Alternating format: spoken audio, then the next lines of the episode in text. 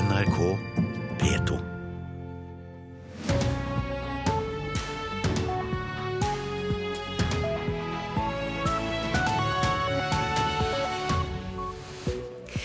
Hver dag blir et titalls pasienter bundet fast ved norske sykehus. Her i Nyhetsmorgen skal vi straks høre mer om at hvert fjerde tilfelle aldri blir rapportert til helsestyresmaktene. I dag skal kommunestyret i Hole avgjøre om de skal støtte velforeninga som går til sak for å stoppe 22. juli-minnesmerket på Sørbråten. Den vanskelige saka deler politikerne på midten. Og bondeorganisasjonene overleverer sine krav til staten i dag. Vi skal straks høre hva vi kan vente oss fra bøndene. Unge er ikke lenger interesserte i blogger. Nå er det gamliser, altså folk over 30, som leser blogginnlegg. Ja, riktig god morgen i studio denne mandagen, Silje Sande. En mann i 40-åra er sikta for drap på ei kvinne i Os i Hordaland i går kveld. Mannen ringte sjøl til politiet og fortalte hva han hadde gjort mot kvinna i slutten av 30-åra. Det forteller innsatsleder hos politiet, Gisle Antun. Så fikk vi kontakt med en person som eh, hevdet at han hadde stått bak dette. Denne personen ble pågrepet uten dramatikk like etterpå og ble kjørt da til politihuset i Bergen. Drapsalarmen gikk like før klokka sju i går kveld. Ei kvinne ble funnet død i en oppkjørsel i Os kommune i Hordaland. Like etter meldte en mann i 40-åra seg og fortalte politiet hva han hadde gjort. Mannen er nå sikta for drap. Krimteknikere kom til åstedet seint i går kveld og har i natt jobba med å sikre bevis. Den sikta har vært i avhør med politiet i natt og vil bli framstilt for fengsling tirsdag. Os kommune har sett kriseteam som i hele går og i hele natt har fulgt opp de pårørende og den næreste familien til den drepne kvinna.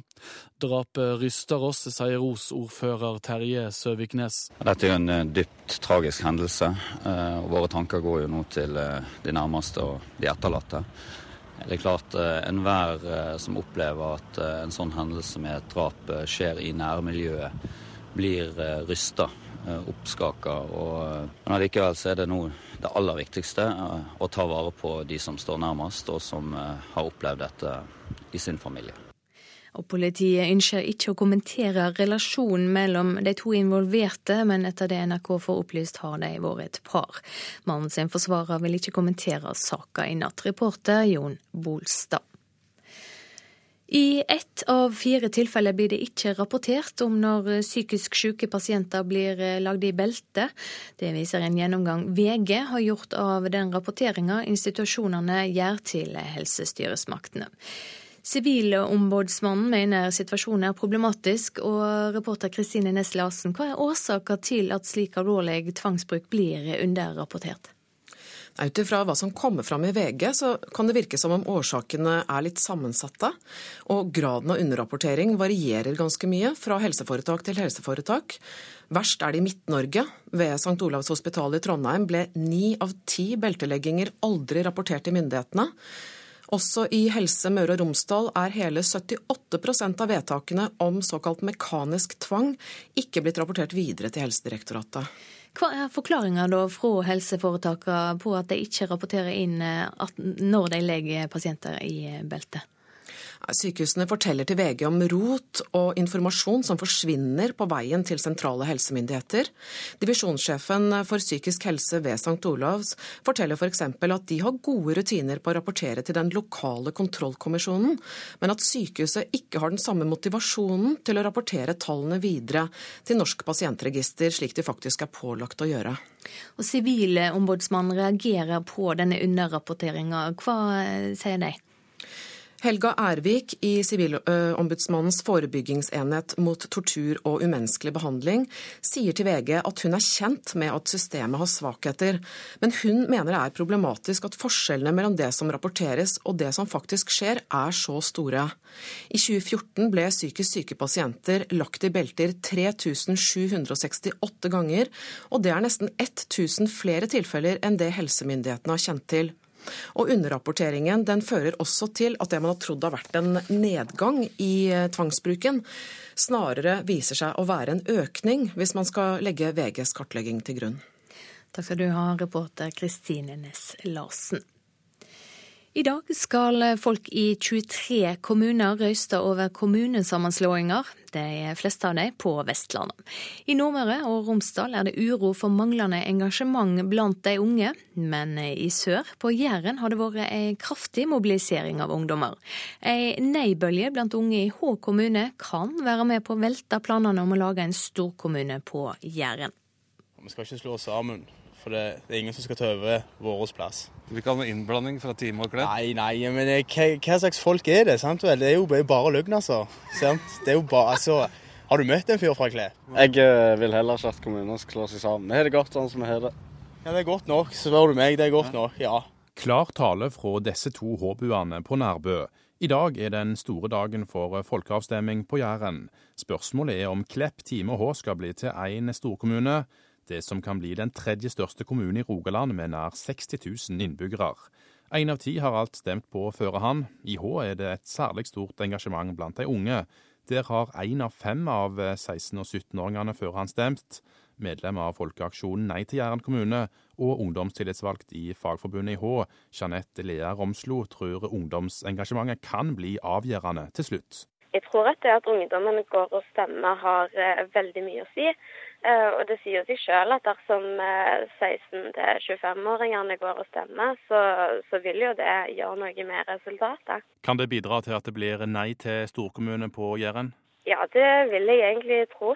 Land sto mot by, gressgrendte strøk mot tettbebyggelser. Likevel bør alle prise seg lykkelig over at det hele endte med et nei.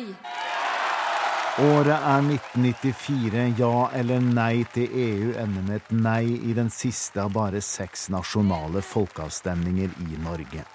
Men lokalt har det vært langt over 700 folkeavstemninger siden 1970, og i dag er det på'n igjen med folkeavstemning om kommunesammenslåing i mange Nordmørs- og Romsdalskommuner.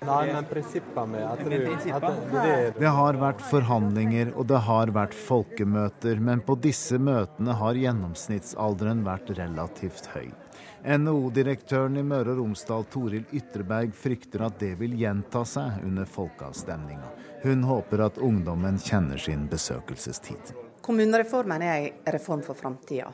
Da er det særdeles viktig at ungdommen er på banen. Kan det bli avgjørende for utfallet at uh, ungdom deltar i denne folkeavstemninga, tror du? Ja, jeg tror faktisk det kan bli ganske avgjørende. Og ikke minst så syns jeg at uh, det er ungdommen vi skal lytte på. Og da uh, håper jeg også at deltakelsen fra ungdommen er stor. Reportasjen var laget av Magnus Stokka og Trond Vestre. Og det blir mer om den såkalte supermandagen i Politisk kvarter, Håvard Grønli? Ja, det er tre mandager i vår som kommer til å bli kalla supermandag, da det er mange folkerøystinger om kommunesammenslåinger. Og i dag er altså den første, med 23 kommuner som går til stemmeurnene. Vi skal til Romsdal, der diskusjonen går om hvor stort som egentlig er godt. Og en Høyre-ordfører på Jæren diskuterer inntektssystemet med Arbeiderpartiet. I Politisk kvarter 7.45 om en times tid. Vi skal ta en kikk på dagens aviser. Igjen har ungdomsorganisasjonen Islam Nett invitert svært omstridte predikanter til Oslo, skriver Aftenposten. En av de som deltok på en fredskonferanse, var amerikanske Sira Wahai, som sier at islam er bedre enn demokrati. Forbrukerombudet vil ha tydelig prising på hva ei gravferd koster. Som pårørende er en i en sårbar situasjon og en skal vurdere pris, sier fagdirektør Jo Gjedrem til Vårt Land. Bønder mener de taper med de blå-blå, skriver Nasjonen. En undersøking viser at nær halvparten av bøndene mener regjeringa har påvirka økonomien deres negativt. I dag leverer bondeorganisasjonene sitt krav til staten i årets jordbruksoppgjør. Finansavisen skriver om den norske legeappen YourMD som skal ut og redde verden, men først må selskapet hente opp til 205 millioner kroner. 3500 boliger som skulle bygges på Fornebu kan bli stoppa, ifølge Dagens Næringsliv. Årsaka er en lokalpolitisk krangel om hvem som skal eie ei banestrekning på 3,1 km. Menn satser på omsorgsyrket, forteller Fedrelandsvennen. Avisa har møtt to menn som har funnet drømmejobben etter mange år i andre yrker. Begge er helserekrutter og blir utdannet i prosjektet Menn i helse. Dagsavisen presenterer Fremskrittspartiet sin asylstrategi. Planen er at alle innstrammingsforslag skal røystes over på Stortinget, og dersom Arbeiderpartiet stemmer mot, skal det brukes mot dem i valgkampen neste år. Nordlys forteller om en pasient som døde etter en overdose av morfin. Nå blir dødsfallet på helsesenteret i Nordreisa etterforska.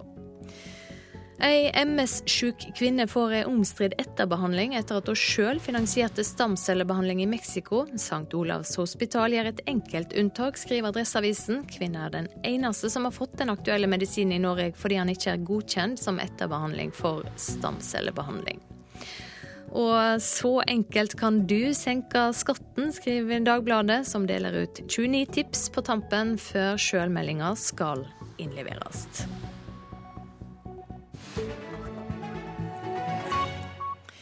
Da skal vi ha sport, og det handler om fotball. For eh, Rosenborg tok sin sjette strake siger i Eliteserien da, Viking, eh, da de slo Viking 4-0 på Lerkendal i går. Trønderne leder serien med fire poeng. Toppformen er i anmarsj, sier en nøyd trener Kåre Ingebrigtsen. Ja, vi er bra. Vi er bra form. Vi er, eller, bra form. Vi er, vi er på vei mot eh, toppformen, i hvert fall. Og det det viser vi i dag, og det har vi vist i, i den senere tida at vi er, vi er, på riktig vei. Så nei, vi er, vi er tøffe å møte. Det begynte litt trått for Rosenborg, men etter hvert så rant målene inn, og Viking hang ikke med. 4-0 ble det til slutt. NRKs fotballekspert eh, Lise Klavenes lot seg imponere av trønderne og noen av bunnlagene. Kanskje noen som lar seg skremme litt av at Rosenborg allerede har fire poengs ledelse og virker litt sånn nesten ubehagelig solide på Lerkendal, til tross for at de hadde litt sånn daff første omgang, så gjør de jobben til gangs og får en uh, luke. Men det er artig, syns jeg, å få flere av bunnlagene i, i, gang. Lag som man hadde litt høyere forventninger til enn det de har klart å innfri hittil. Som f.eks. Sarpsborg 08, som knuser en av favorittene Molde. Og Ålesund, som virkelig åpner målkontoen med 6-0 over Tromsø, som jo egentlig hadde en god start på sesongen. Kampene kommer tett som hagl nå. Denne uka spilles det cup igjen, men Rosenborgs styrke er at de har mange spillere å ta av. Vi har, eh, vi har masse gode spillere. og det, Vi kan endre på mange posisjoner, og, og, fortsatt så endrer vi ikke noe på kvaliteten på laget. og Det, det er en styrke. Reporter Pål Thomassen. Klokka er 6.45. Dette er hovedsaker i nyhetene nå. En mann i 40-åra er sikta for drap på ei kvinne i Os i Hordaland i går kveld. Mannen ringte sjøl til politiet. I ett av fire tilfeller blir det ikke rapportert om når psykisk syke pasienter blir lagd i belte. Det er problematisk, mener Sivilombudsmannen. Og USA sender flere militære til Syria for å hjelpe lokale styrker i kampen mot IS.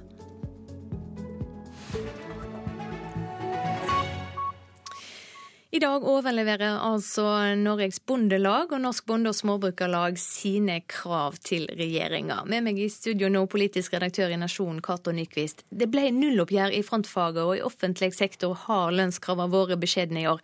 Hva kan vi vente oss av årets landbruksoppgjør? Vi kan vel vente at eh, staten vil, eh, vil argumentere med at eh, det er nulloppgjør, det er et år for moderasjon, og, og de ønsker, ønsker nok å holde, holde nivået for overføringene til landbruket nede. På andre sida vil nok eh, bondeorganisasjonene si at dette er et fint tidspunkt for å, for å øke overføringene og, ta, og uh, kom, uh, få til å tette inntektsgapet opp mot såkalte sammenlignbare grupper.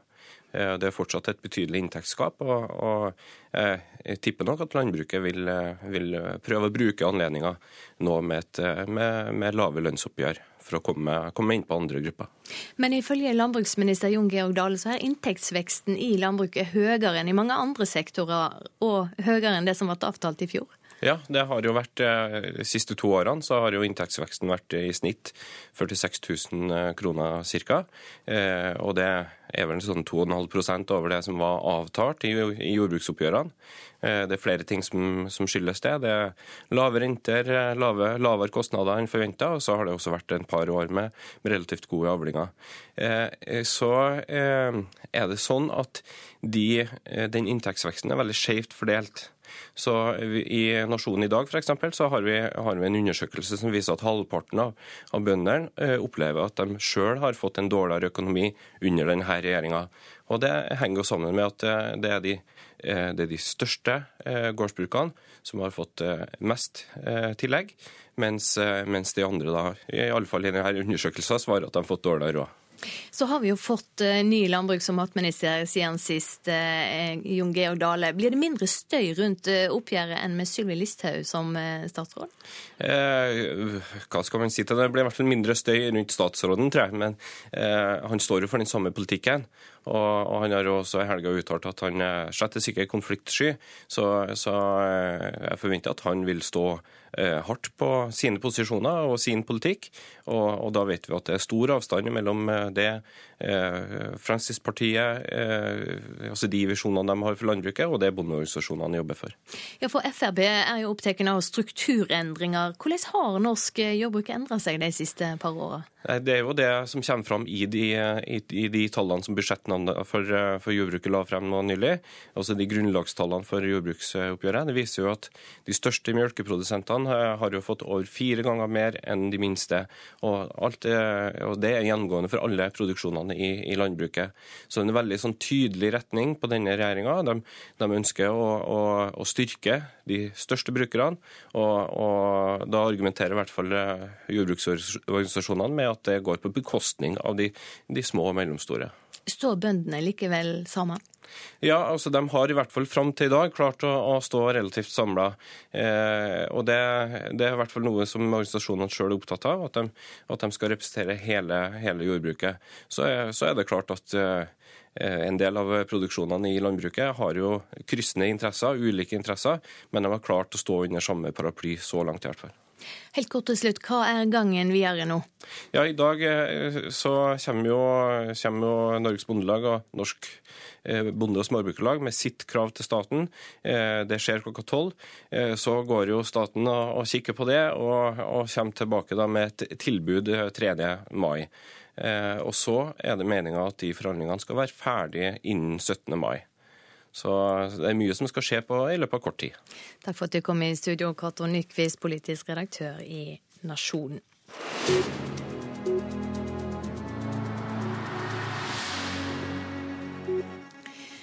Kommunestyret i Hole er mer eller mindre delt på midten i spørsmålet om de skal støtte Utstranda Vel i rettssaker mot staten. Velforeninga har søkt kommunen om 100 000 kroner når de nå går rettens vei for å stoppe minnesmerket etter 22.07 på Sørbråten.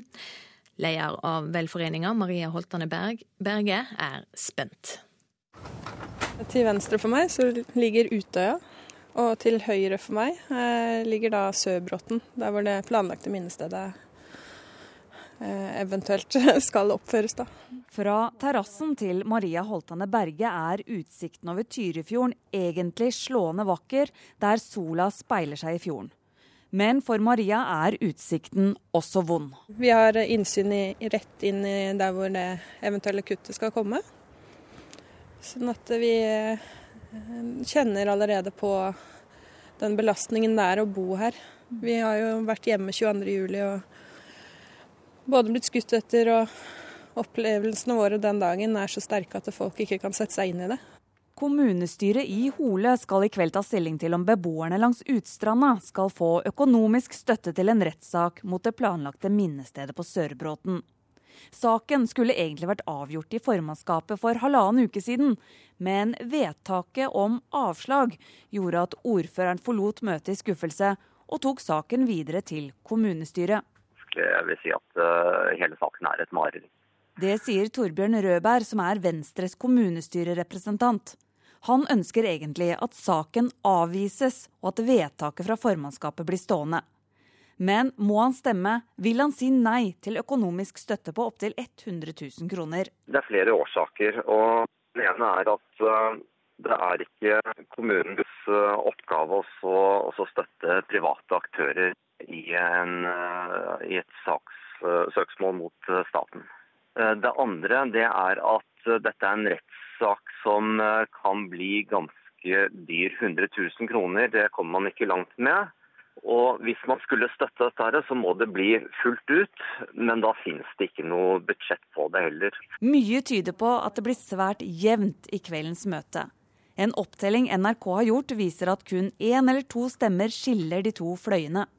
Det kan bli avgjørende at to tilhengere av forslaget har reist på ferie, og at de blir erstattet av vararepresentanter. Atle Haglund i Frp sier det blir en thriller. Jeg er veldig spent. Har tenkt mye og snakka med folk, men det, det, kan være en stemme eller to som avgjør at, eh, at Vellet får støtte fra Hole kommune. Og på terrassen står lederen av velforeningen, Maria Holtane Berge. Om bare noen timer vil hun få vite om de får 100 000 kroner i støtte til rettssaken mot staten eller ikke. Hva tror du? Hvilken vei tipper det? Har ikke lyst til å gjette engang. Altså, jeg håper bare at folk, eh, som jeg sier, uavhengig av politisk parti, velger oss å støtte oss. Hvor viktig er det at dere får den økonomiske støtten? Dere har jo sagt at dere vil klare det uansett. Det er det å føle at man har kommunen med seg. De sier jo at de støtter oss uansett. Men det er også noe med det at eh, man viser det utad, hvis man eh, velger å gi disse midlene. Det sa til slutt Maria Holtane Berge. Reportere var Benedikte Fjelly og Anette Skarfjell. Nordmenn er i ferd med å slutte med å lese og skrive blogger. Det viser tall fra TNS Gallup. Og det er hovedsakelig de mellom 15 og 29 som forlater bloggene, og som heller velger andre plattformer som Facebook og Instagram. De unge vi spurte, leser ikke blogg lenger. Eh, jeg leste nok mer før, ja. Mm, kanskje fire år siden eller et eller annet sånt. Det interesserer meg egentlig ikke så mye.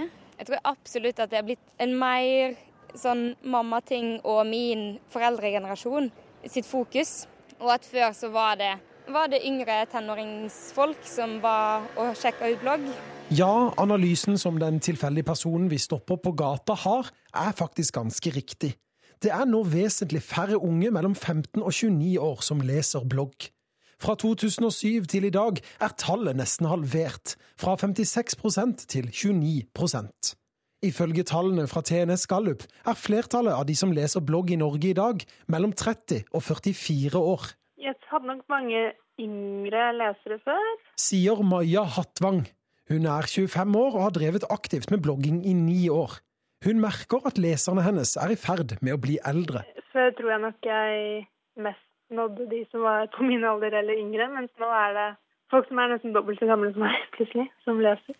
Blogging har endret seg veldig mye på den tiden, og sosiale medier har endret seg mye også. Sier professor i digital kultur Jill Walker Rettberg, og viser til bloggens utvikling fra 2007. Hun mener de yngste leserne har flytta seg fra bloggen til sosiale medier. Facebook og, og, og, Tumblr og Twitter og alle disse kommersielle tjenestene de har jo overtatt veldig mye av det blogging ofte var for mange før. Altså det at du bare kan dele tanker raskt og enkelt. Tallene fra TNS Gallup viser også en kraftig nedgang blant dem som skriver egen blogg. Og nedgangen skyldes utelukkende dem mellom 15 og 29 år. Det at de unge forsvinner over på sosiale medier er synd og mer upersonlig, fordi de sosiale mediene er mer styrt av dem som driver dem, mener Walker Rettberg. Du kan godt si at det er ganske synd, for bloggene, noe av det flotteste med blogger var jo at vi eide de sjøl. Du styrte din egen bitte lille nettside uavhengig om den var stor eller liten. Mens nå er vi jo helt takket altså Vi må jo bare ta til takke med det som tilbys av Facebook eller Snapchat. Det at flertallet av de som leser blogger nå er mellom 30 og 44 år, gir også et utslag i hva slags type blogger som er populære. Topplisten over de mest populære bloggerne viser nå i større grad at 40-årige mat- og barnebloggere har overtatt bloggsfæren. Ja, det er muligens flere enn 40 år gamle matbloggere. Sier Hattvang. Hun tror konkurransen om leserne på bloggmarkedet vil bli tøffere i årene som kommer. Blogger vil forhåpentligvis få krav til kvalitet på innholdet. At man må liksom virkelig levere hvis man skal klare seg. Det sa blogger Maja Hattvang til reporter Christian Ingebretsen. Så et værvarsel for dagen i dag. I Sør-Norge blir det fremdeles en kjølig værtype med nattefrost mange steder i låglandet. De fleste stedene får noe sol, men det kan også komme enkelte byger sør på Østlandet. Det blir få eller ingen byger langs kysten av Vestlandet fra Stad til Stavanger. Vinden blir stort sett mellom nordvest og øst, opp til frisk bris enkelte steder. Om kvelden kan vindstyrken komme opp i liten kuling på sørlandskysten og på kysten av Møre og Romsdal sør for Kristiansund. Også i Nord-Norge og på Spitsbergen holder det kalde været fram. I Nord-Norge er det venta bris mellom øst og nordøst. Det kan komme spredd snø i grensetraktene, ellers stort sett opphold og noe sol. Om kvelden kan vindstyrken komme opp i kuling fra østlig retning på kysten av Nord-Troms og Finnmark, og da blir det også mer nedbør i grensetraktene. Spitsbergen får stort sett eh, opphold og litt sol, opp til liten kuling nær Sørkapp og lengst i nordvest fra nordøstlig eller østlig retning. Så har vi temperaturene målt klokka fem i dag. Svalbard lufthavn, der har vi ikke fått inn data. Kirkenes minus tre, Vardø pluss én. Alta minus tre, Tromsø-Langnes minus én. Bodø pluss én, Brønnøysund null. Trondheim-Værnes minus tre. Molde, Bergen, Flesland og Stavanger hadde alle minus én. Kristiansand-Kjevik pluss én. Gardermoen og Lillehammer minus to. Røros hadde minus tolv grader, og på Oslo-Blindern var det målt pluss én grad. Her i Nyhetsmorgen skal vi straks høre mer om pengetilbudet til de første 500 asylsøkerne som melder seg for å forlate landet. Barack Obama er på europatur, og i samband med det blir det tromma sammen til et uformelt toppmøte i Tyskland i dag. Det er sikkert mange, mange i verden som ikke vet om barnevernet. Som blir plaga hjemme og kanskje blir slått og mishandla. I Bodø får alle fjerdeklassinger møte barnevernet. Målet er å informere ungene om at de har rett til en trygg barndom, og at det går an å si ifra om vonde ting. Altså, vi hørte i Dagsnytt eh, UDI starter i dag en kampanje for å få asylsøkere uten krav på opphold til å reise ut av Norge. De 500 første som melder seg, vil få 10 000 kroner i reisepenger, sier innvandringsminister Sylvi Listhaug. Vi skal eh, stimulere flere til å reise tilbake frivillig, gjennom at vi betaler dem litt mer i sånn eh, penger som de får med seg når de da reiser ut. Det vil jo spare oss for mye penger, for det er klart det er jo kostbart å ha folk i mottak. Hvorfor har dere satt grensen på de 500 første som melder seg? Nei, Nå er dette et, eh, en, en, et prosjekt som UDI setter i gang, og som vi skal prøve ut. Og så håper vi at det blir vellykka, sånn at vi kan vurdere å gi mer av det. UDI har jo tidligere gjennomført noe lignende. Hva er erfaringene med en sånn kampanje? Man eh, så vel det at det hadde en effekt. Eh, derfor så ønsker man nå å prøve på nytt. Vi vet at det sitter veldig mange på mottak i Norge nå, langt flere enn det som normalt sett er gjort. Det er også mange som ikke har krav på beskyttelse, som sitter og kommer til eh, etter alle solemerker å få avslag. Da er det bedre å prøve å stimulere dem til å reise tilbake, gjennom å bruke litt mer penger på det. For totalt sett for Norge så vil vi spare penger på det. Men ikke alle får. Hvorfor setter dere de grensene som dere gjør? Nei, Det må jo være noen kriterier. Eh, så F.eks. så må du ha kommet da før 1.4 eh, i år. Eh, og det er også sånn at du må ha kommet til Norge og søkt asyl her som første land. Og så er det en del land der vi sender folk veldig raskt tilbake til, såkalt 48-timersregelen. Vi behandler søknadene veldig raskt. De landene er heller ikke inkludert. 10 000 kroner, det er ikke all verden av penger? Nei, men det er jo på toppen av det man får eh, normalt sett. Eh, sånn at eh, totalt sett så vi mener vi det at dette her kan gi en stimulans til at flere ønsker å reise tilbake. Reporter Lars Egil Mogå. I studio nå generalsekretær Ann Margrethe og i NOAS, Norsk organisasjon for asylsøkere. Hva syns du om denne kampanjen? Det er bra. Ehm, alle tiltak som kan gjøre det enklere å returnere for personer som er her eh, pga. feilinformasjon eller eh, pga. falske forhåpninger, enten de nå er gitt av smuglere eller andre, det er bra. Men det at det settes eh, en så klar grense ved utreisefristen, at de som har oversittet utreisefrist, ikke får, det vil begrense veldig antallet som kommer til å ha glede av dette. Hvor mange tror du vil eh, la seg friste av 10 eh, 000 kroner? Eh, det kan nok hende at de når i hvert fall bortimot disse første 500 de, de, snakker om. Men de kunne nådd langt flere hvis de hadde åpnet for også personer som har oversittet utreisefrist. For det tar veldig lang tid å få behandlet søknad. Man sitter passiv. Så vi håper jo at integreringsministeren snart også blir en integreringsminister og setter i gang med det som blir hovedjobben. Men for de som da ikke har grunnlag for opphold, så ser vi ofte at det å etter at man har hatt en lang og krevende prosess for å komme til Norge, og så akseptere at man faktisk har fått et avslag, og erkjenne konsekvensene av det, og en situasjon uten rettigheter i Norge, det tar litt tid.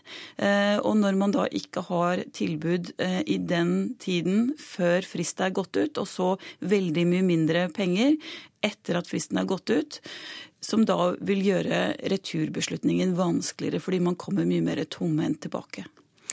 Hva er viktig med informasjonskampanjen som UDI setter i gang nå?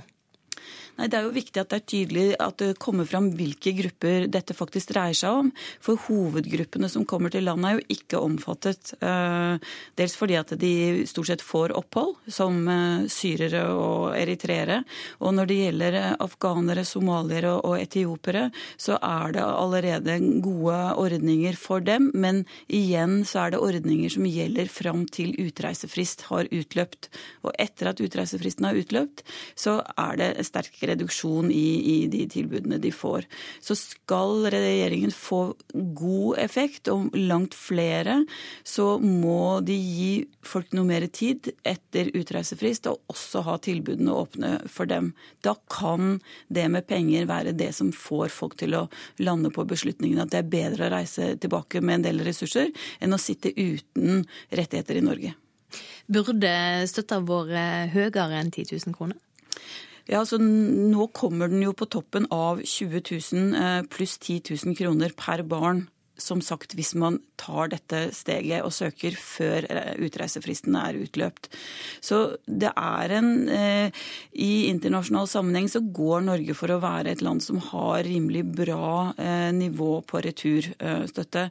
Men for folk som har risikert mye og hatt tro på at de faktisk har et oppholdsgrunnlag i Norge, eh, kanskje brent en del bruer, tatt opp lån for å komme hit, så er det vanskelig å erkjenne at de har gjort en feil beslutning. Eh, sånn at den menneskelige dimensjonen ved det, og da er det ikke sikkert at pengene i seg selv, eller det vet NOAS, at det er ikke pengene i seg selv. Men pengene kan komme dersom man har hatt en lang periode i Norge og begynner å erkjenne og forstå at dette blir et liv uten rettigheter. I hva grad får folk hjelp til å vurdere sin egen situasjon? Nei, Det er der vi gjerne skulle sett mer midler. Altså, det er mange som ikke helt forstår prosessen de har vært igjennom. Og når du ikke forstår at saken din faktisk har vært vurdert, og at de de tingene du mener er de viktigste i ditt liv, kanskje ikke er det som uansett gir deg grunnlag for beskyttelse, så eh, er det en, en, en prosess sånn at eh, mer informasjon om eh, hva du faktisk har vært vurdert i forhold til, og hvordan situasjonen din blir framover dersom du likevel velger å, å bli, eh, og faren da for å bli tvangsreturnert med det som det følger, det tror vi også hadde vært et svært viktig tiltak. Takk for at du kom i studio, Ann Margit Austenå fra NOAS.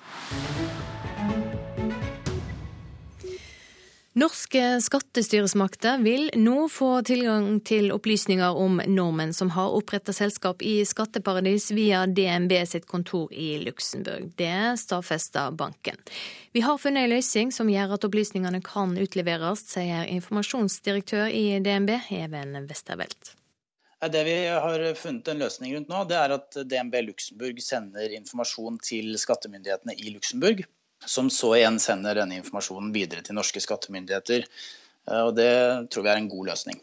Mellom 2006 og 2010 bisto DNB Luxembourg rundt 40 kunder med å opprette kontoer på Seychellene via advokatkontoret Mossack Fonseca i Panama. Om lag halvparten av kundene var bosatt i Norge og skattepliktige her. Det er opplysninger om disse norske skattemyndigheter nå får tilgang til. Eh, forhåpentligvis så har jo de eh, hatt god samvittighet, eh, men uansett så bidrar vi jo nå til å få oppklart det. Og det tror jeg alle ser frem til. Det er svært gledelig at vi nå får disse opplysningene, sier direktør for rettsavdelingen i Skattedirektoratet, Jan Magnus. Vi har hatt en god dialog med DNB etter at denne saken kom opp i media, og at eh, vi nå får de tilgang til de opplysningene om disse aktuelle normene, det er vi jo veldig fornøyd med. Han sier det er svært interessant for norske skattemyndigheter å få opplysninger om transaksjonene som er foregått, men understreker at de ennå ikke vet at norske bankkunder har unnlatt å innberette verdiene til skattemyndighetene.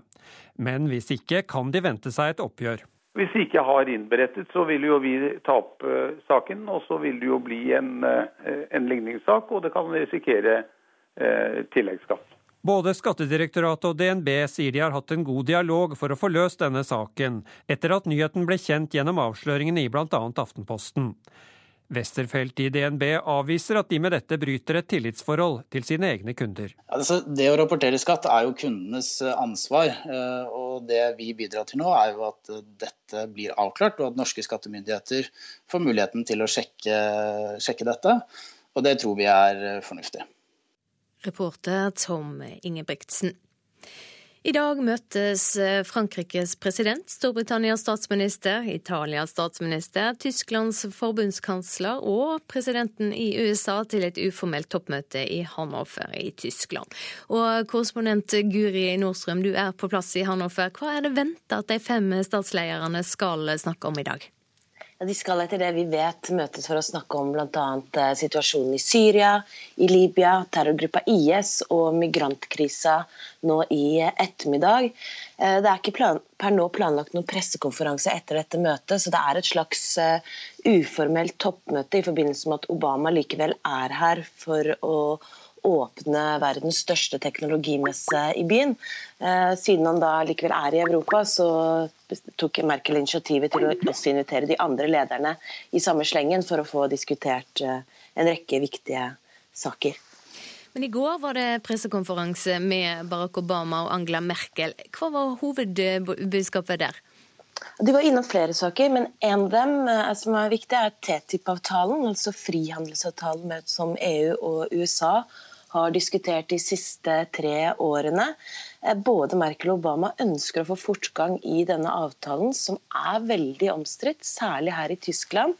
Eh, lørdag var det en stor demonstrasjon mot den her i Hannover Eh, hvor demonstrantene mener at avtalen bl.a. vil føre til at multinasjonale selskaper får altfor mye makt, og at europeiske arbeidsplasser vil forsvinne. Men som sagt, både Merkel og Obama forsvarer avtalen. Og Obama sa under pressekonferansen i går at de trenger en slik avtale for å være konkurransedyktige mot voksende markeder i Asia og, og Afrika. De er eh, to av de eh, kanskje viktigste politikerne i verden. Hvordan er tilhøvet mellom Obama og Merkel? På pressekonferansen så var det iallfall en påfallende god eh, stemning mellom dem. Obama fortalte f.eks. For at han satte stor pris på Merkels gode humor, men la også til at den kanskje ikke er så veldig godt kjent i offentligheten. Eh, han var full av lovord for sin tyske kollega. Han sa at hun var en person som han beundret veldig. Stødig og pålitelig, og en som tør å ta i de vanskelige sakene. Eh, også som befinner seg nå på rett side av historien når historien en gang skal skrives om, eh, om migrantkrisa. Men de to lederne har jo også hatt sine nedturer gjennom året. Eh, kanskje på bunnpunktet i 2013, da det gjennom Snowden-lekkasjene ble kjent at amerikansk etterretning hadde avlytta Merkels mobiltelefon. Den gang var jo Merkel veldig klar og sa at sånt gjør man bare ikke mellom venner. Men da hun ble spurt om dette igjen i går, så sa hun at for henne så er framtiden viktigere enn fortiden. Takk skal du ha, korrespondent Guri Nordstrøm. Klokka er 7.15. Dette er hovedsaker i nyhetene nå. De første asylsøkerne som melder seg, får nå 10 000 kroner ekstra i reisepenger for å reise frivillig fra Norge. I ett av fire tilfeller blir det ikke rapportert når psykisk syke pasienter blir lagd i belte. Det er problematisk, mener Sivilombudsmannen. Og straks skal vi høre at i Ecuador er det frykt for epidemier blant de mange som bor i telt etter jordskjelvet for litt over ei uke siden. Nå skal vi til Nepal. Det er i dag ett år siden det store jordskjelvet der. Og korrespondent Peter Svaar, du er på plass i Katmandu. Hvordan blir denne ettårsdagen markert? Ja, Det var jo flere markeringer som skjedde allerede i går. Fordi eh, gårsdagen var i den nepalesiske kalenderen ettårsdag for dette skjelvet. På Durbarplassen i gamlebyen i Katmandu ble det tent lys i går kveld. Og det ble holdt en minneseremoni over de nesten 9000 mennesker som omkom i katastrofen her for ett år siden.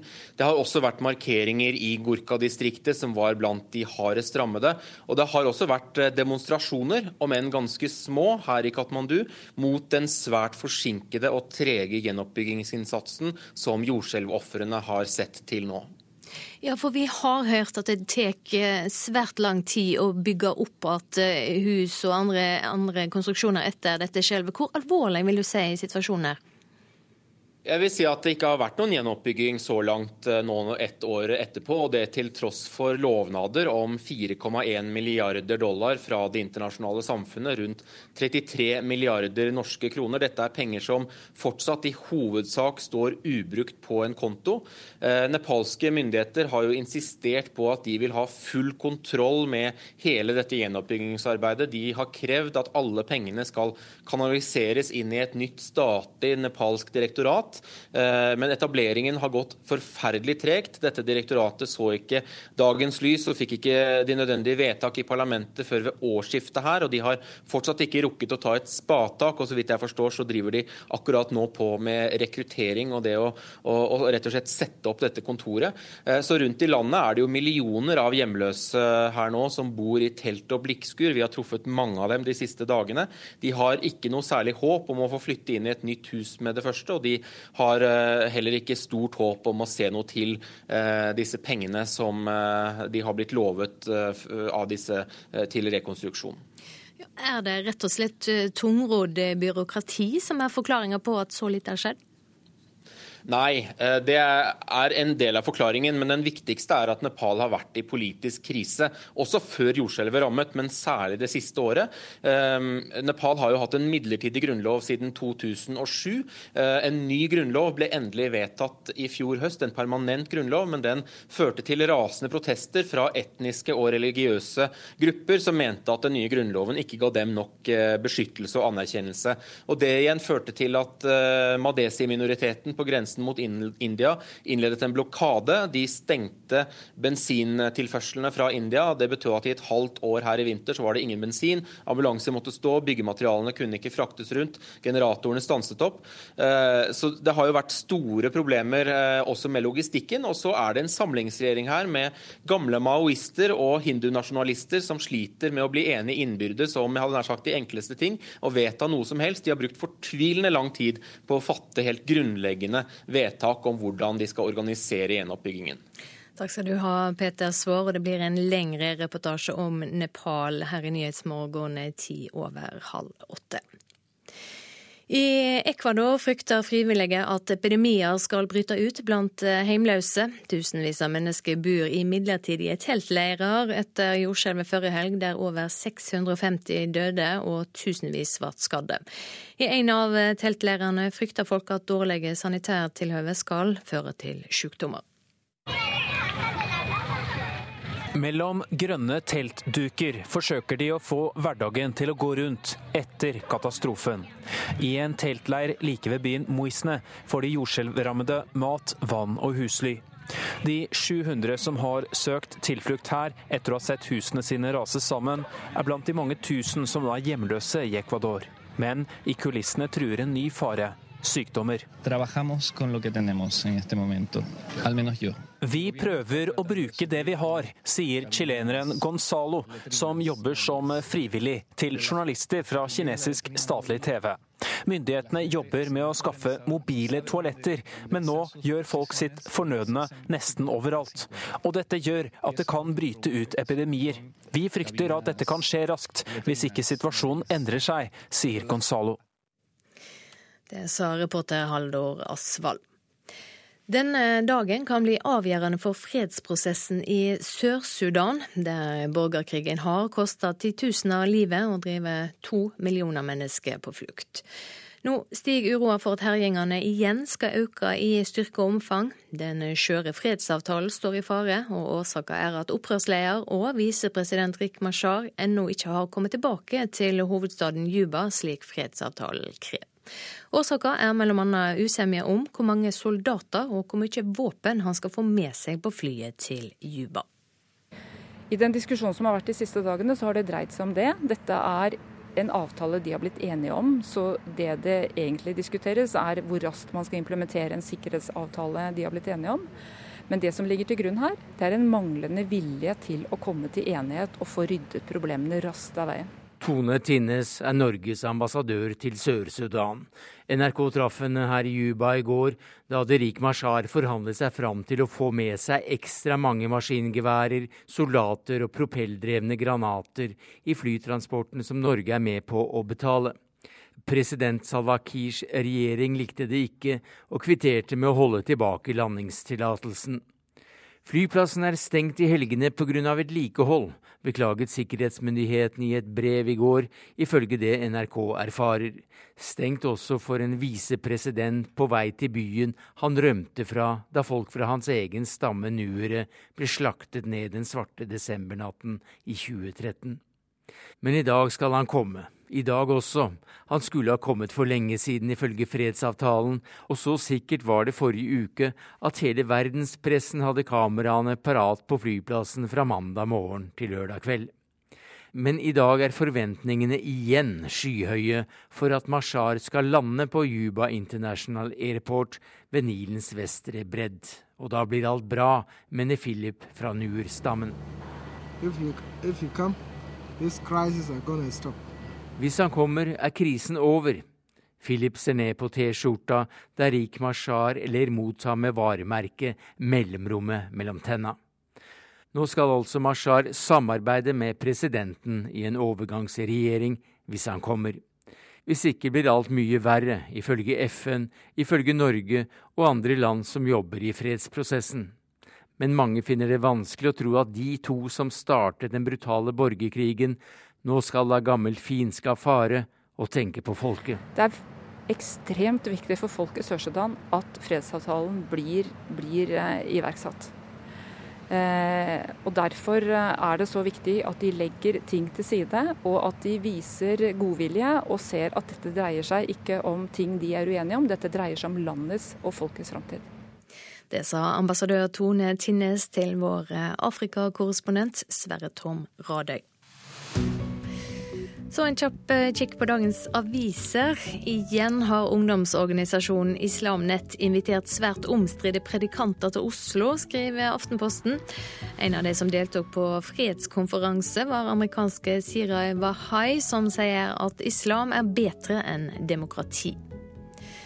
Forbrukerombudet vil ha tydelig prising på hva ei gravferd koster. Som pårørende er en i en sårbar situasjon når en skal vurdere pris, sier eh, fagdirektør Jo Gjedrem til Vårt Land. Bønder mener de taper med de blå-blå, skriver Nasjonen. En undersøking viser at nær halvparten av bøndene mener regjeringa har påvirka økonomien deres negativt. Finansavisen skriver om den norske legeappen YourMD som skal ut og redde verden, men først må selskapet hente opp til 205 millioner kroner. 3500 boliger som skulle bygges på Fornebu kan bli stoppa, ifølge Dagens Næringsliv. Årsaken er en lokalpolitisk krangel om hvem som skal eie ei banestrekning på 3,1 km. Menn satser på omsorgsyrke, forteller Fedrelandsvennen. Avisa har møtt to menn som har funnet drømmejobben etter mange år i andre yrker. Begge er helserekrutter og blir utdanna i prosjektet Menn i helse. Dagsavisen presenterer Fremskrittspartiet sin asylstrategi. Planen er at alle innstrammingsforslag skal røystes over på Stortinget, og dersom Arbeiderpartiet stemmer mot, skal det brukes mot dem i valgkampen neste år. Så skal vi til Bodø. Barnevernet i byen oppsøker i år alle fjerdeklassingene i byen for å fortelle elevene om at de finnes.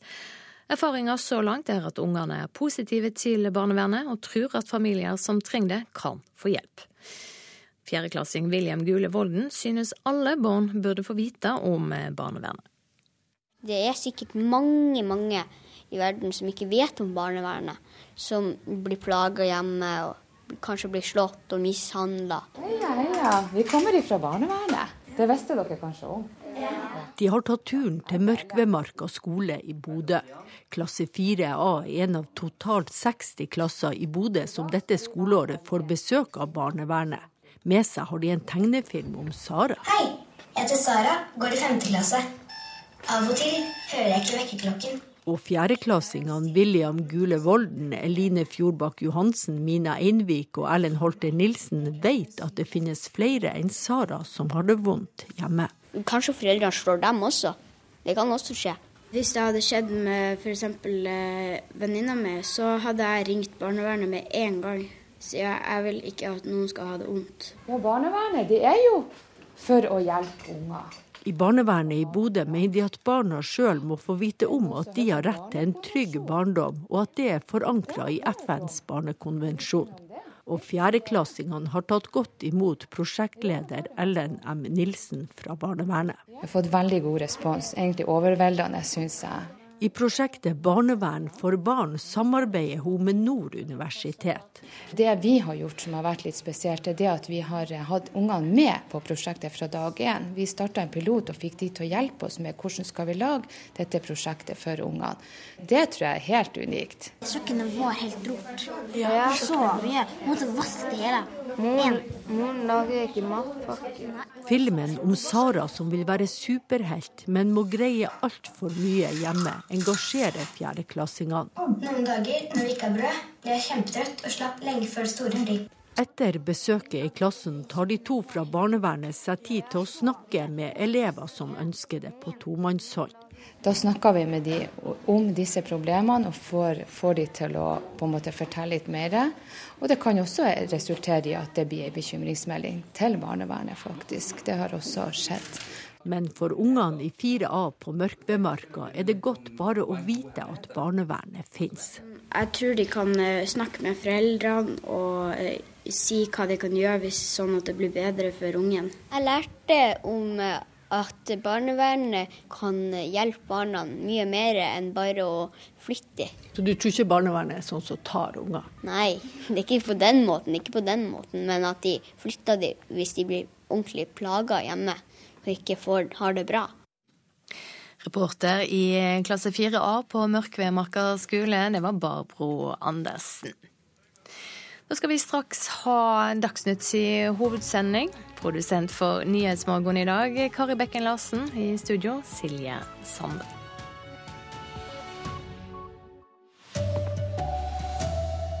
Nordmenn med penger i skatteparadis kan nå bli undersøkt av norske skattemyndigheter. Innvandringsministeren håper 10 000 kroner i lommepenger frister asylsøkere til å reise frivillig. Bloggen er i ferd med å dø ut. Færre leser og skriver blogg, viser nye tall. Her er NRK Dagsnytt klokka 7.30 med Anders Borgen Werring. Norske skattemyndigheter vil nå få tilgang til opplysninger om nordmenn som opprettet kontoer i skatteparadiser via DNBs kontor i Luxembourg. Det bekrefter DNB. Lovverket i Luxembourg hindrer at opplysningene gis direkte til norske myndigheter, men nå har vi funnet en løsning, sier eh, informasjonsdirektør Even Westerfelt. Det vi har funnet en løsning rundt nå, det er at DNB Luxembourg sender informasjon til skattemyndighetene i Luxembourg, som så igjen sender denne informasjonen videre til norske skattemyndigheter. Og Det tror vi er en god løsning. Mellom 2006 og 2010 bisto DNB Luxembourg rundt 40 kunder med å opprette kontor på Seychellene via advokatkontoret Mossack Fonseca i Panama. Om lag halvparten av kundene var bosatt i Norge og skattepliktige her. Det er opplysninger om disse norske skattemyndigheter nå får tilgang til. Eh, forhåpentligvis så har jo de eh, hatt god samvittighet, eh, men uansett så bidrar vi jo nå til å få oppklart det. Og det tror jeg alle ser frem til. Det er svært gledelig at vi nå får disse opplysningene, sier direktør for rettsavdelingen i Skattedirektoratet, Jan Magnus. Vi har hatt en god dialog med DNB etter at eh, denne saken kom opp i media. Og at eh, vi nå får de, tilgang til de opplysningene om disse aktuelle nordmennene, det er vi jo veldig fornøyd med. Han sier det er svært interessant for norske skattemyndigheter å få opplysninger om transaksjonene som er foregått, men understreker at de ennå ikke vet at norske bankkunder har unnlatt å innberette verdiene til skattemyndighetene. Men hvis ikke, kan de vente seg et oppgjør. Hvis de ikke har innberettet, så vil jo vi ta opp uh, saken. Og så vil det jo bli en, uh, en ligningssak, og det kan risikere uh, tilleggsskatt. Reporter Tom Ingebrigtsen.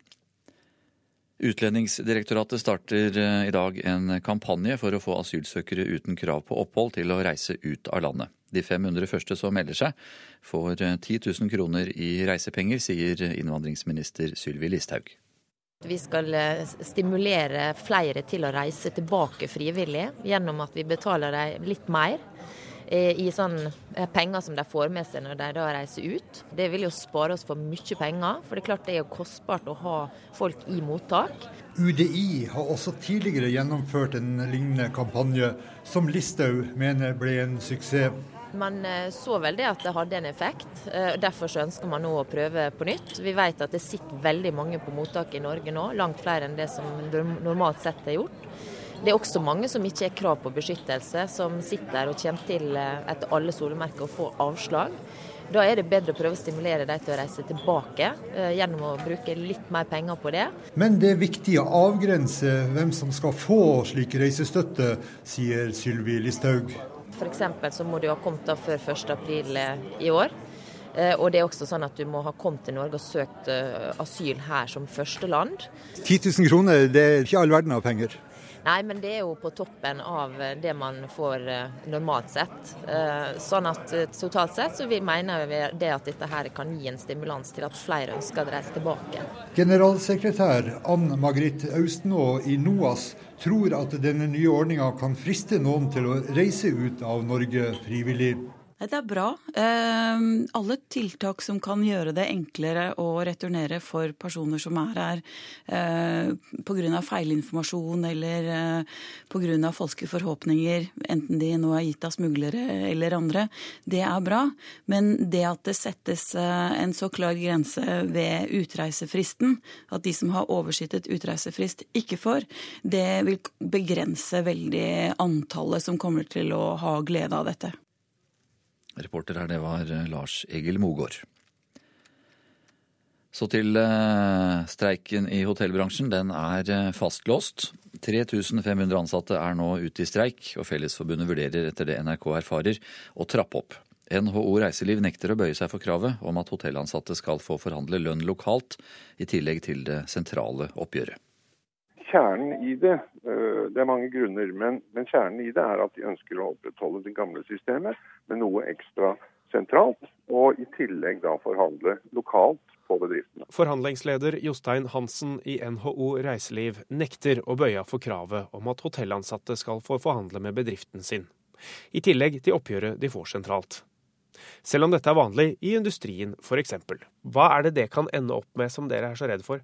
Vi er ikke redd for det, men vi tror ikke det vil fungere. fordi når man har fått alt sentralt, og, og så vil det ikke være noe igjen å forhandle om lokalt. Nesten 3500 streiker nå. Flere hoteller må stenge. Og etter det NRK erfarer, vurderer nå Fellesforbundet å trappe opp streiken. Men planen om å møtes har ikke partene, sier Hansen i NHO. Nei, vi snakker ikke om noen ting, egentlig. Uh, vi får jo se hva som skjer. Dere sitter og venter? Ja. Reporter Trond Lydersen. I ett av fire tilfeller blir, blir, det ikke rapportert når psykisk syke pasienter blir lagt i belter. Det skriver VG. Avisa har fått tall fra sykehus landet over på når de legger pasienter i belter, setter på dem tvangstrøye eller bruker andre former for tvang for å roe dem ned. VGs tall for 2014 viser nesten 1000 flere tilfeller av såkalte mekaniske tvangsmidler enn de offisielle 2800. Og Helsedirektoratet sier de vet at tallene er usikre. Den eh, meksikanske regjeringen beskyldes for å ha hindret etterforskningen av det som skjedde da 43 lærerstudenter forsvant i 2014. Eh, Alt tyder på at studentene ble massakrert. Salen var overfull, mer enn 1000 mennesker, de fleste pårørende, var møtte fram da rapporten fra den uavhengige granskinga blei presentert.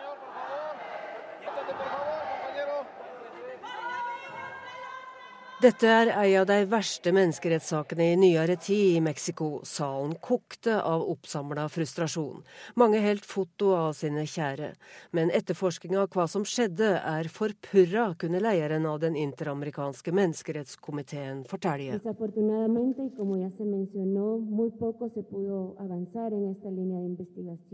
Styresmaktene har ikke gitt løyve til å gjennomføre nye avhør av mistenkte i saka, og påtalemakta er ikke villig villig til å forfølge nye spor. At studentmiljøet skulle ha vært infiltrert av narkokriminelle, slik politimakta har prøvd å hevde, blir også blankt avvist.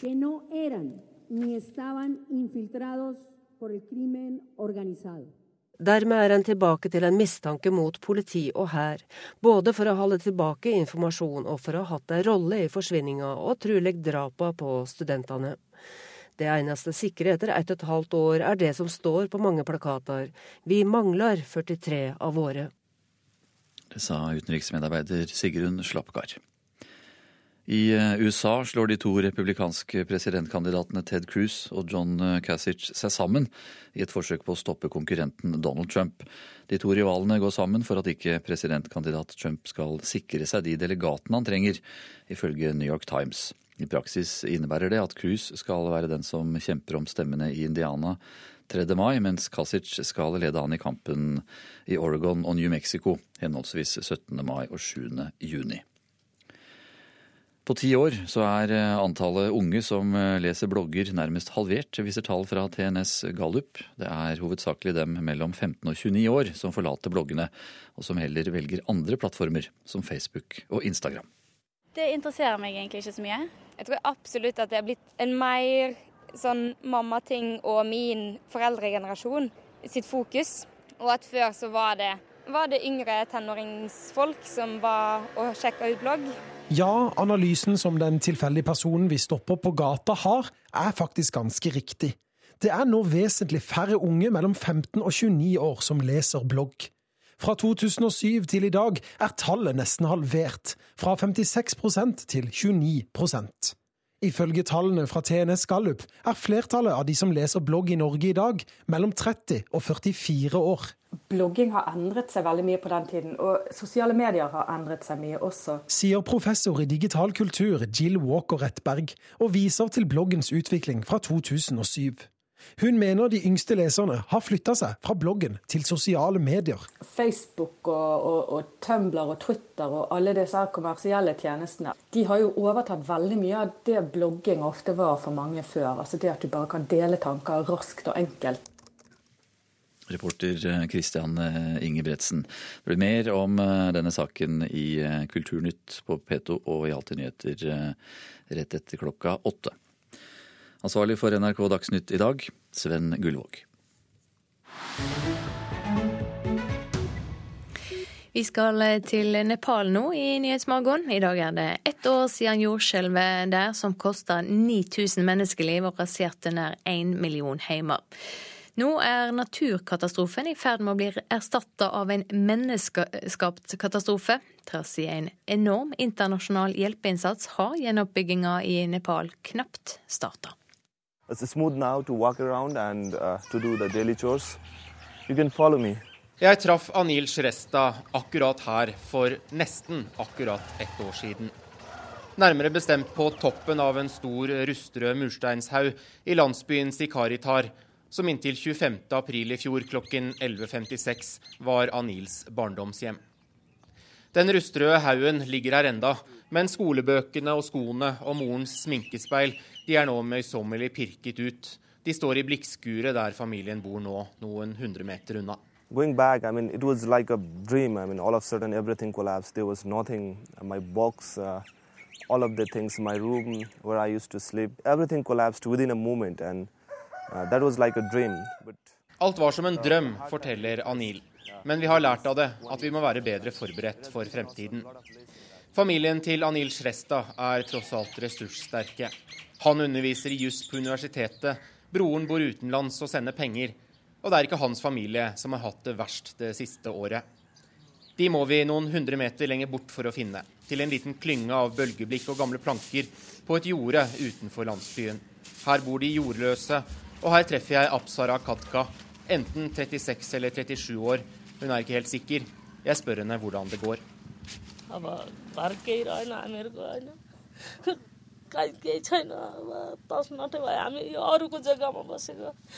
Det har vært forferdelige dager det siste året. Jeg har mistet alt. Jeg har mistet huset, jeg har ingenting igjen. Jeg bor på en annen manns jord, og landeieren har sagt at vi må flytte. Men jeg vet ikke hvor vi skal dra eller hva vi skal gjøre. Jeg tjener ingen penger, og jeg har ikke råd til noe nytt hus. Dessuten har jeg to barn som må på skole. Myndighetene her i Nepal har lovet 200 000 rupi i gjenoppbyggingsstøtte til de som har mistet huset i jordskjelvet.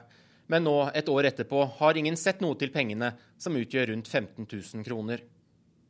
De 4,1 milliarder dollar som er samlet inn til gjenoppbygging, står fortsatt på konto.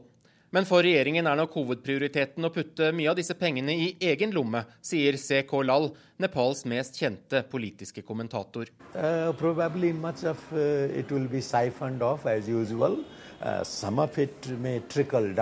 Mye av pengene blir nok skummet vekk som vanlig. Jeg har ingen stor tro på at 4 milliarder dollar eller 40 milliarder dollar eller noe pengebeløp vil gjøre noen stor forskjell for vanlige folks liv her. De vil måtte klare seg selv som de alltid har gjort, sier han. So I have full faith in Nepali people. You know, they have survived uh, earthquake, so they will survive this uh, man-made disaster brought Jeg har ingen tro på nepalesiske myndigheter, men jeg har absolutt tro på det nepalesiske folk, sier han over en kopp te i en av Katmandus mer velstående bydeler. Ett år er gått, og landsbyen Sikaritar er i likhet med resten av Nepal fortsatt en ruinhaug. Men hverdagen har tvunget seg frem nå i det som var grunnmuren til et hus, har noen nå laget en åkerlapp og satt poteter. Anil Shresta håper fortsatt pengene til et nytt hus kommer, helst før en ny vinter setter inn her ved foten av Himalaya. I guess the government has promised that uh, before the rainy season start, I mean, it, it, it's still uh, nearly around three months to go. If the procedure is completed, then uh, people can at least start building their house uh, so that from the winter season they can live in their house peacefully. Det sa Anil Shrestad til Asia-korrespondent Peter Svår. Norske styresmakter får nå vite hvem som oppretter kontoer i skatteparadis via DNBs kontor i Luxembourg. De første 500 asylsøkerne som melder seg for å forlate landet, får 10 000 kroner i ekstra reisepenger. I ett av fire tilfeller blir det ikke rapportert når psykisk syke pasienter blir lagd i belte. Det er problematisk, mener Sivilombudsmannen. Og en mann i 40-åra er sikta for drap på ei kvinne i Os i Hordaland. Mannen ringte sjøl til politiet i går kveld. Nå er det tid for eh, Politisk kvarter. Programleder der, Håvard Grønli.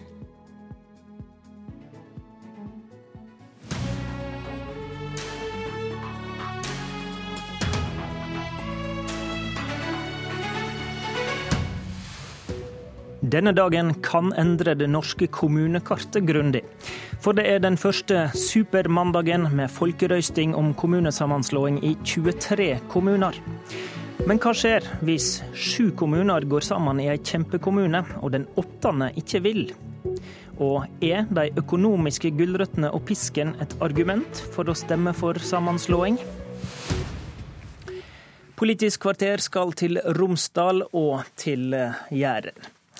Vi starter med å si god morgen til to debattanter som sitter klare i Molde. I Romsdal og deler av Nordmøre er det nemlig et svært ambisiøst prosjekt på tegnebrettet som folket skal ta stilling til i dag. Går det som de ivrigste vil, kan det oppstå en ny kommune ut av åtte tidligere kommuner. Den vil etter dagens kommunekart bli Norges nest største i areal, med bare Kautokeino framfor seg på lista.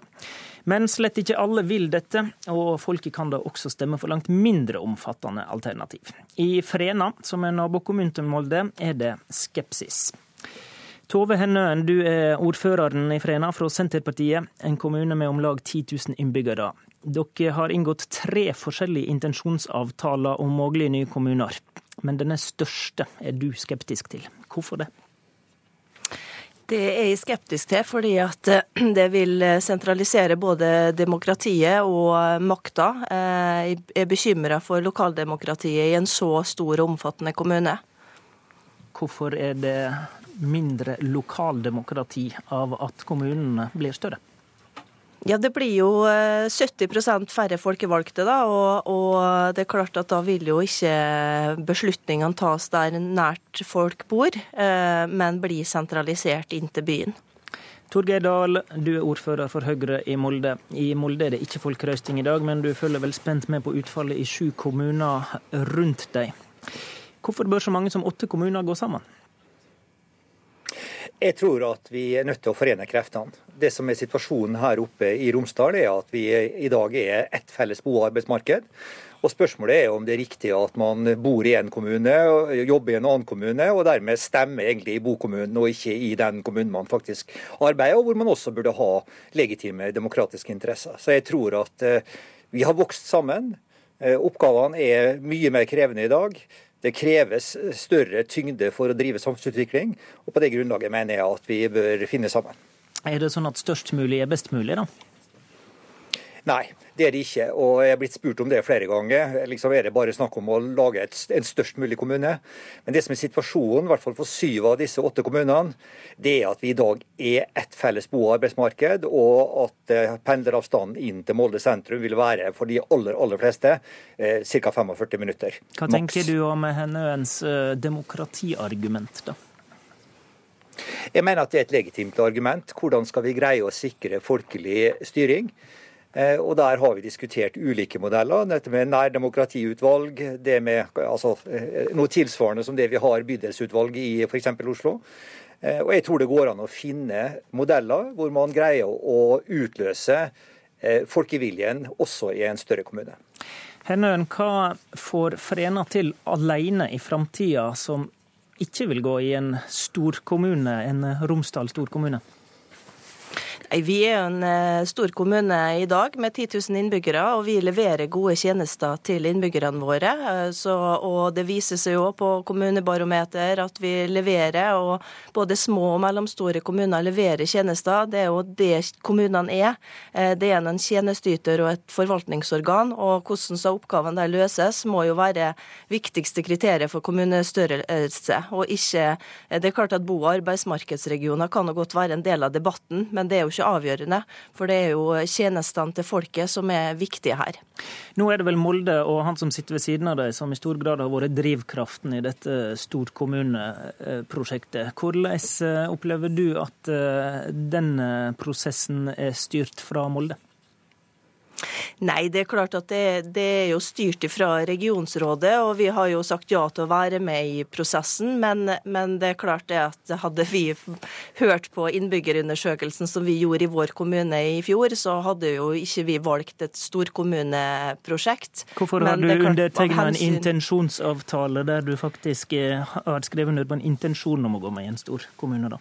Nei, man blir jo fanga litt inn i det at man må ta hensyn til de andre kommunene rundt. Og de andre kommunene rundt ønsker å se på en storkommunealternativ. Og så har vi vært kritiske inn i det, men vi har eh, sagt det at vi skal være med på en intensjonsavtale. Og så har vi også to andre alternativ, sånn at folket skal få muligheten til å si hva de mener. Til, til å velge et mindre omfattende alternativ. Ja. Er det du som er bondefangeren da, Torgeir Dahl? Nei, jeg opplever ikke sånn. Altså, Vi starta en sånn type debatt lenge før eh, denne regjeringa satte i gang den prosessen. Eh, fordi vi så at vi hadde et så omfattende interkommunalt samarbeid at vi hadde behov for å strukturere det og gjøre det mer strategisk. Så Det begynte vi med i 2010-2011. så Sånn sett så har vi holdt på med i denne prosessen ganske lenge. Eh, og det har vært bred enighet om det. Og så er det nå engang sånn da at uenighet er jo noe av det som bringer oss fremover også. Eh, så jeg har jo full respekt for at det kan være ulike syn i regionen. Men det jeg tror vi stort sett er enige om, er at vi lever i et eh, fellesskap. Vi lever i et skjebnefellesskap. Går det bra i Molde, så går det bra i Frena. Og går det bra i Frena, så går det bra i Molde. Og det er kanskje det perspektivet jeg skulle ønske vi i større grad hadde med oss og det utviklingsperspektivet, de utfordringene vi kommer til å se de neste tiårene. Og det er det langsiktige perspektivet kanskje som er blitt litt fraværende i debatten. Hennøen, hvis din kommune nå blir den ene som sier nei, og du får en enorm sånn Romsdalshalvøya kommune rundt deg, og så har du din nåværende eksisterende Frena kommune. Hva gjør dere da? Holder dere fram som egen kommune? Det er jo klart at det er jo en vurdering vi må gjøre. Altså, dette her er jo en rådgivende folkeavstemning. og det er klart eh, Kommunestyret og vi politikere må jo ta, eh, ta den beslutninga på flere grunnlag. sånn at eh, det, det, må vi vurdere. Men jeg tror ikke det blir tilfellet. Jeg tror det at folket ønsker at, at vi skal ha et mangfold av kommuner i Møre og Romsdal. Nå er det jo òg bestemt at vi skal ha tre forvaltningsnivå. Vi skal ha fylkeskommunen. og Derfor så er det et bredt eh, flertall i Stortinget nå for at vi fortsatt skal ha et mangfold av kommuner i Norge. Dahl, hvis det skulle bli sånn at det blir uh, sju av åtte som vil, mens én sier nei, hva mener du bør skje da? Nei, Da tror jeg faktisk at man vil eh, gå inn og bli en del av den nye kommunen. Det er klart Frena har en nøkkelrolle her som nest største kommune, og som også en ganske sterk kommune. Men er det en eh, sånn situasjon der Stortinget i verste fall bør eh, gripe inn? For dette har jo vært snakk om teoretisk. Det har vært snakk om det teoretisk. Og jeg ser jo at Stortinget selvfølgelig vil ha de fullmaktene som er nødvendige for å gjøre en sånn tvangssammenslåing. Men jeg vil sterkt advare mot det. Jeg tror ikke vi kommer til å fungere godt sammen hvis dette her skjer gjennom tvang. Jeg får frivillighetslinja her. Så de som, ikke vil, de, skal, de som ikke vil dette i Romsdalen, de skal, bør få lov til å fortsette alene? I hvert fall vil det gjelde en såpass stor og sterk kommune som Frena. Takk til dere to i Romsdal.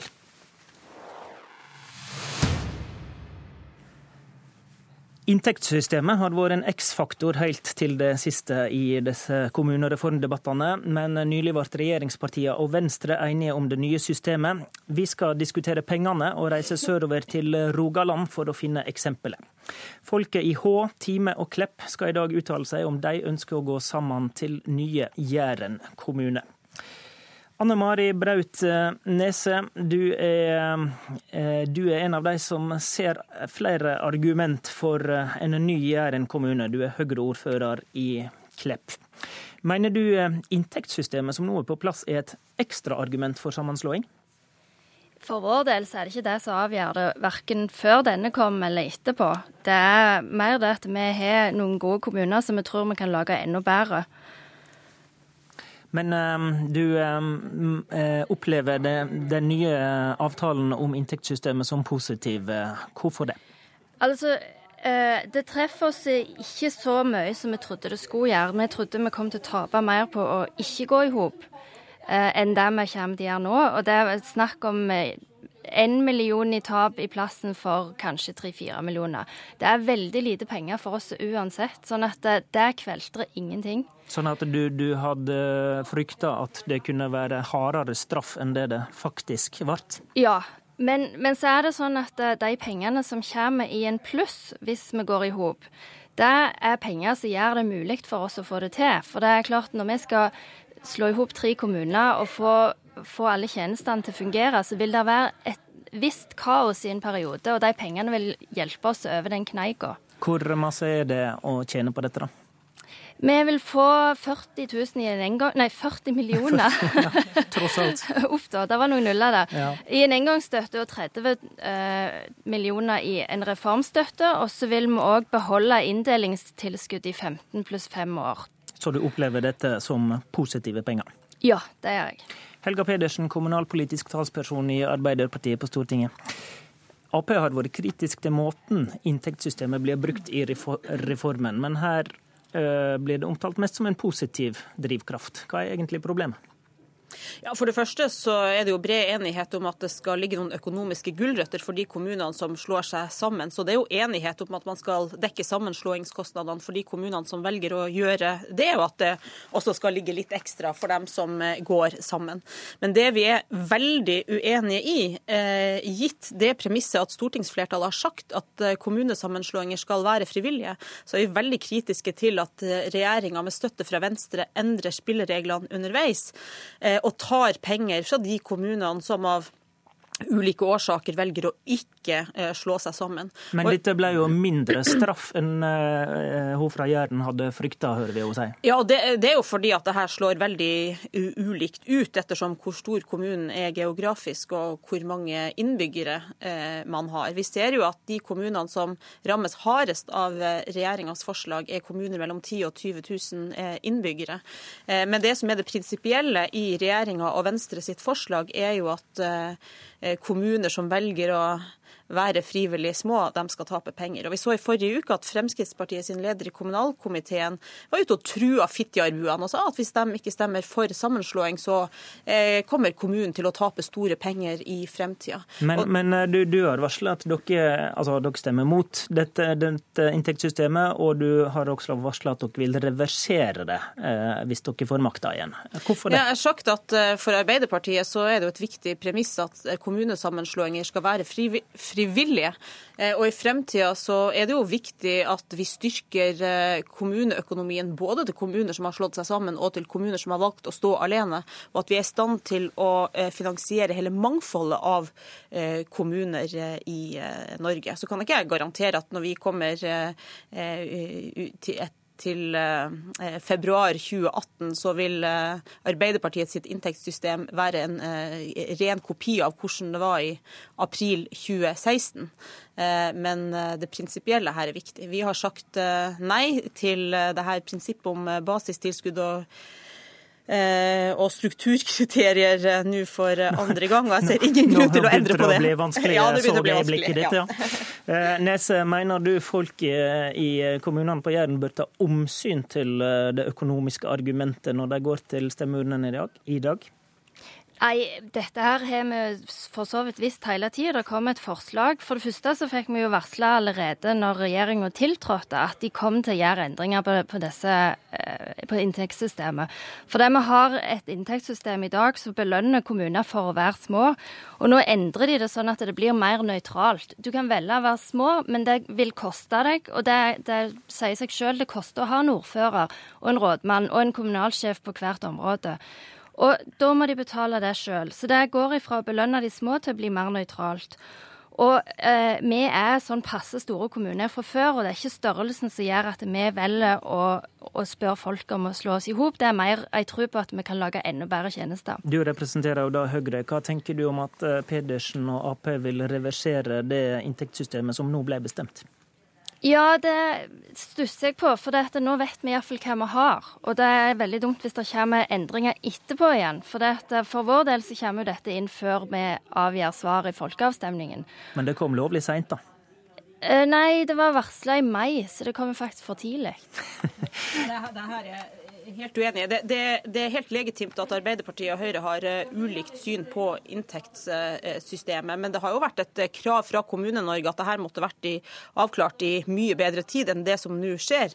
Uh, nå er det bare noen uker til kommunene har fått frist til, til, å si om de skal slå seg sammen eller ikke. Og jeg mener det er veldig feil å endre spillereglene underveis. Og hadde Høyre ønska bred enighet og forutsigbarhet, så burde de ha bidratt til å få bred enighet enighet. Det har man ikke nå. Følg med på resultatene i dine lokalsendinger. I studio, Håvard Grønli. Hør flere podkaster på nrk.no podkast.